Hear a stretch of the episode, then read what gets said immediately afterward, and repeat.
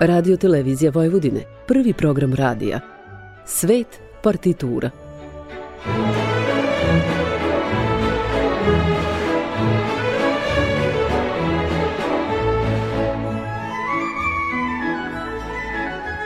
Urednik i voditelj Bogdan Đorđević.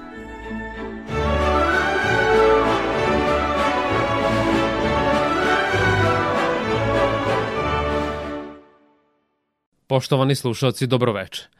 Na samom početku emisije slušat ćete prvi stav Andante Gracioso sonate za klavir broj 11 u A-duru Wolfganga Amadeusa Mozarta iz 1784. U ovom uvodnom stavu kompozitor je na vrlo lucidan način prkosio konvencionalnim pravilima klasicizma jer je umesto Allegra, napisanog u sonatnoj formi, napisao temu s varijacijama. U njoj je istakao glavnu temu kao još jednu nezaboravnu lirsku melodiju koja mu je obezbedila dugovečnost u svetu umetničke muzike. Pre ove sonate on je ubeležio tačno 300 opusa najšireg žanrovskog spektra.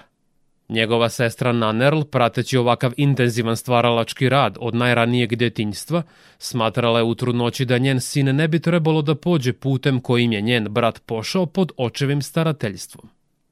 Prijateljima je govorila da bi radije volela da on zna sva imena drveća, cveća i šumskih životinja, nego stroga pravila kontrapunkta. Nije želela da on bude primljen kao čudo od deteta u Versajskoj palati, niti da mu aplaudiraju u londonskom Spring Gardenu. Verovala je da osobe sa vanserijskim talentom muče ambicije, pa je jednom prilikom priznala da bi bila zadovoljna ukoliko bi talenat njenog sina bio osrednji. Sina je zamišljala kao dobroćudnog, staloženog i vedrog dečaka koji se igra kao i sva ostala deca i raduje se malim stvarima u životu. U narednim minutima slušat ćete pijanistu Andraša Šifa i prvi stav Mozartove sonate u A-duru.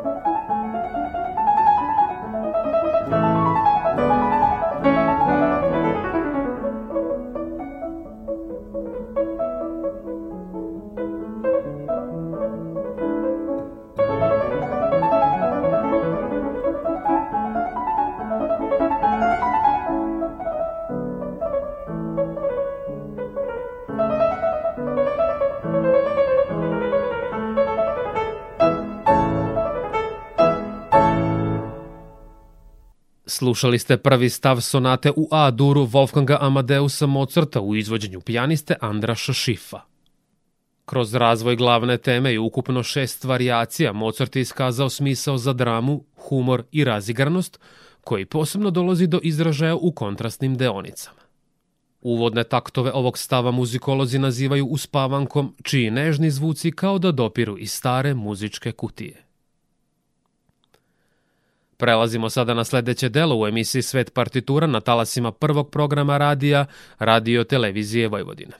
Slušat ćete uvertiru iz opere Kleopatra Domenika Čimaroze, premijerno izvedene 1789.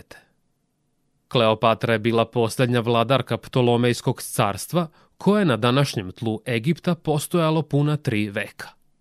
Ova starogrčka država nastala nakon osvajačkog poduhvata Aleksandra Velikog u kojem je porazio Persijance. Nakon njegove smrti vlast u toj zemlji preuzeo je general Ptolomej I, čiji je daleki potomak bio Kleopatrin otac. Za razliku od većine njenih prethodnika koji su se ponašali kao Heleni, ona je govorila egipatskim jezikom smatrajući sebe otelotvorenjem boginje Izide. Stoga ona se tako i oblačila u svečanim prilikama. Želela je da zadrži nezavisnost Egipta u odnosu na rimsko carstvo, pa je uvećavala bogatstvo trgujući sa Arabijom i Indijom. Udružujući se sa Markom Aurelijem, sprečila je Oktavijana u nameri da Egipat učini vazalskom državom. Vraćamo se sada muzici Domenika Čimaroze. Slušat ćete sinfonijetu Nikolaus Esterhazi i dirigenta Alessandra Amoretija u izvođenju uvertire Kleopatra.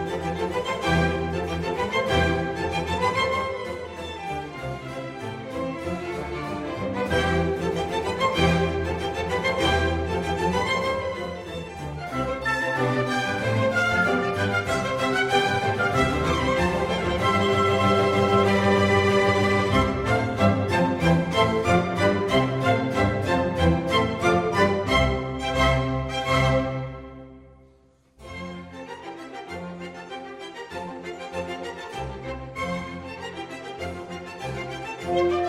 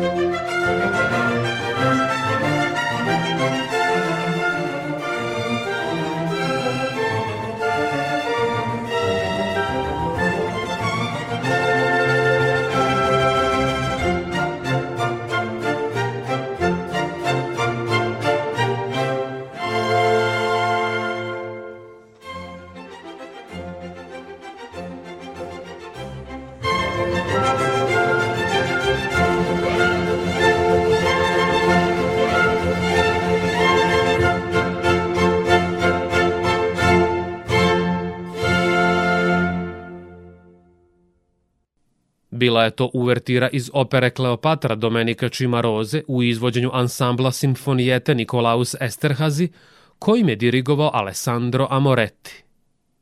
Da li je ljubav između poslednje faraonke Kleopatre i Marka Aurelija zaista bila onako filmska, kako su u ontologijskom ostvarenju iz 1963. oslikali Elizabeth Taylor i Richard Barton, verovatno nikada nećemo saznati. Vi ste na talasima prvog programa radija Radio Televizije Vojvodine. U nastavku emisije Svet partitura slušat ćete mazurku opus 33 broj 4 u H-molu Frederika Chopina, objavljenu 1838.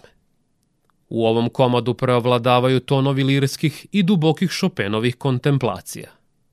Njih učestalo i naglo prekidaju trenuci u kojima kompozitor, ispoljavajući takozvanu erupciju strasti, Želi da graciozne i žalobne melodije zameni onim vatrnim ritmovima i vrtoglavim arabeskama.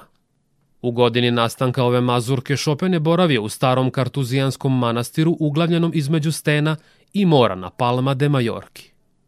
U jednom od pisama na ironičan način sebe opisao kao čoveka bez uobičajenih belih rukavica i nakolmovane kose – Bio je smešten u keli sa ogromnim prašnjavim svodovima i malim prozorom, kroz koji je mogao da posmatra drveće pomoranđi, palme i čemprese.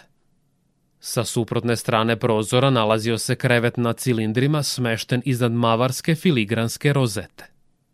Pored kreveta nalazio se mali četvorugaoni sto sa velikim svećnjakom, na kojem jedva da se išta moglo napisati.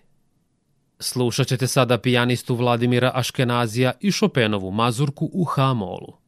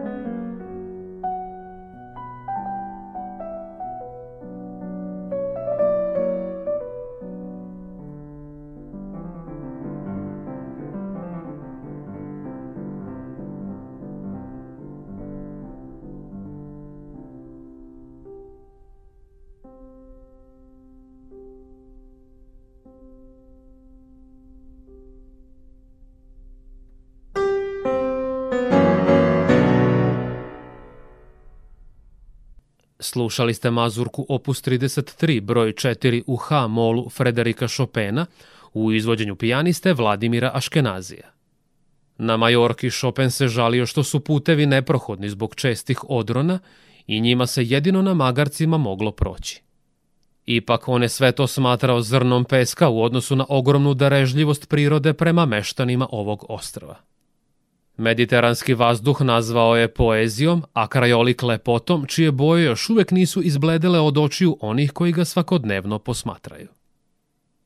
Nastavljamo dalje s muzikom u emisiji Svet partitura na talasima prvog programa radija Radio Televizije Vojvodine. Slušat ćete mađarsku igru broj 4 u F-molu Johanesa Bramsa, nastalu 1869.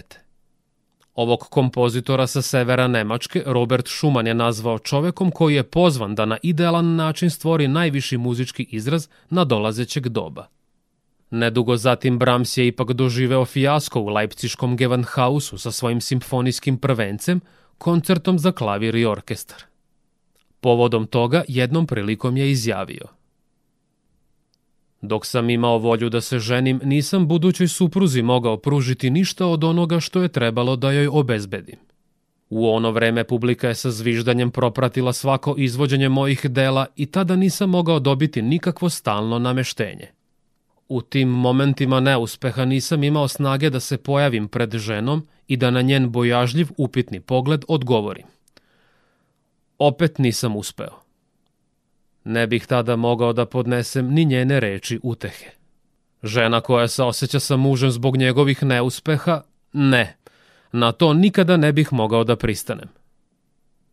Slušat ćete sada bečke filharmoničare i dirigenta Klaudija Abada u izvođenju Bramsove mađarske igre broj 4.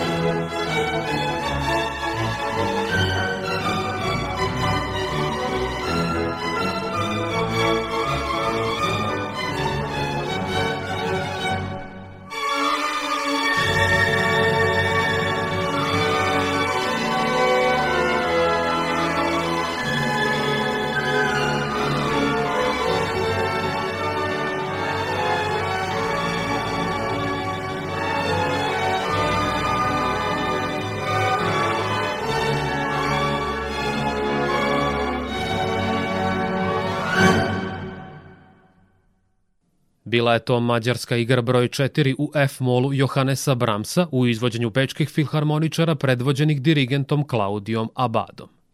U vreme kada je potpuno pokopao svoj san o ženitbi, Bram se rastao i od Klare Šuman.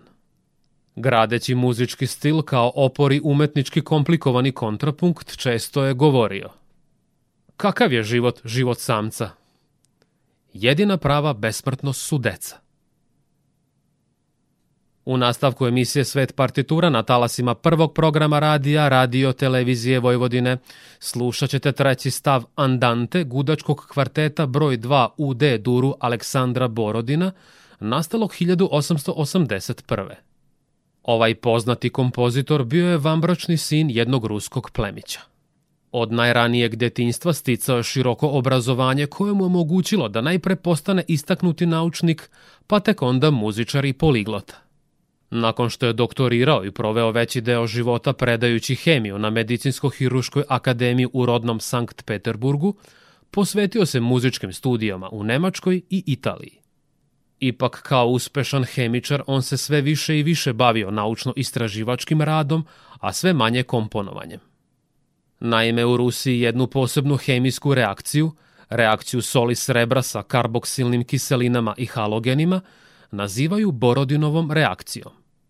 Upravo zbog navedene posvećenosti hemiji on veliki broj kompozicija nije dovršio, pa je po tome ostao zapamćen kao jedinstven primer autora u muzičkoj istoriji. Pred vama su sada istaknuti članovi gudačkog kvarteta Emerson i Borodinov Andante.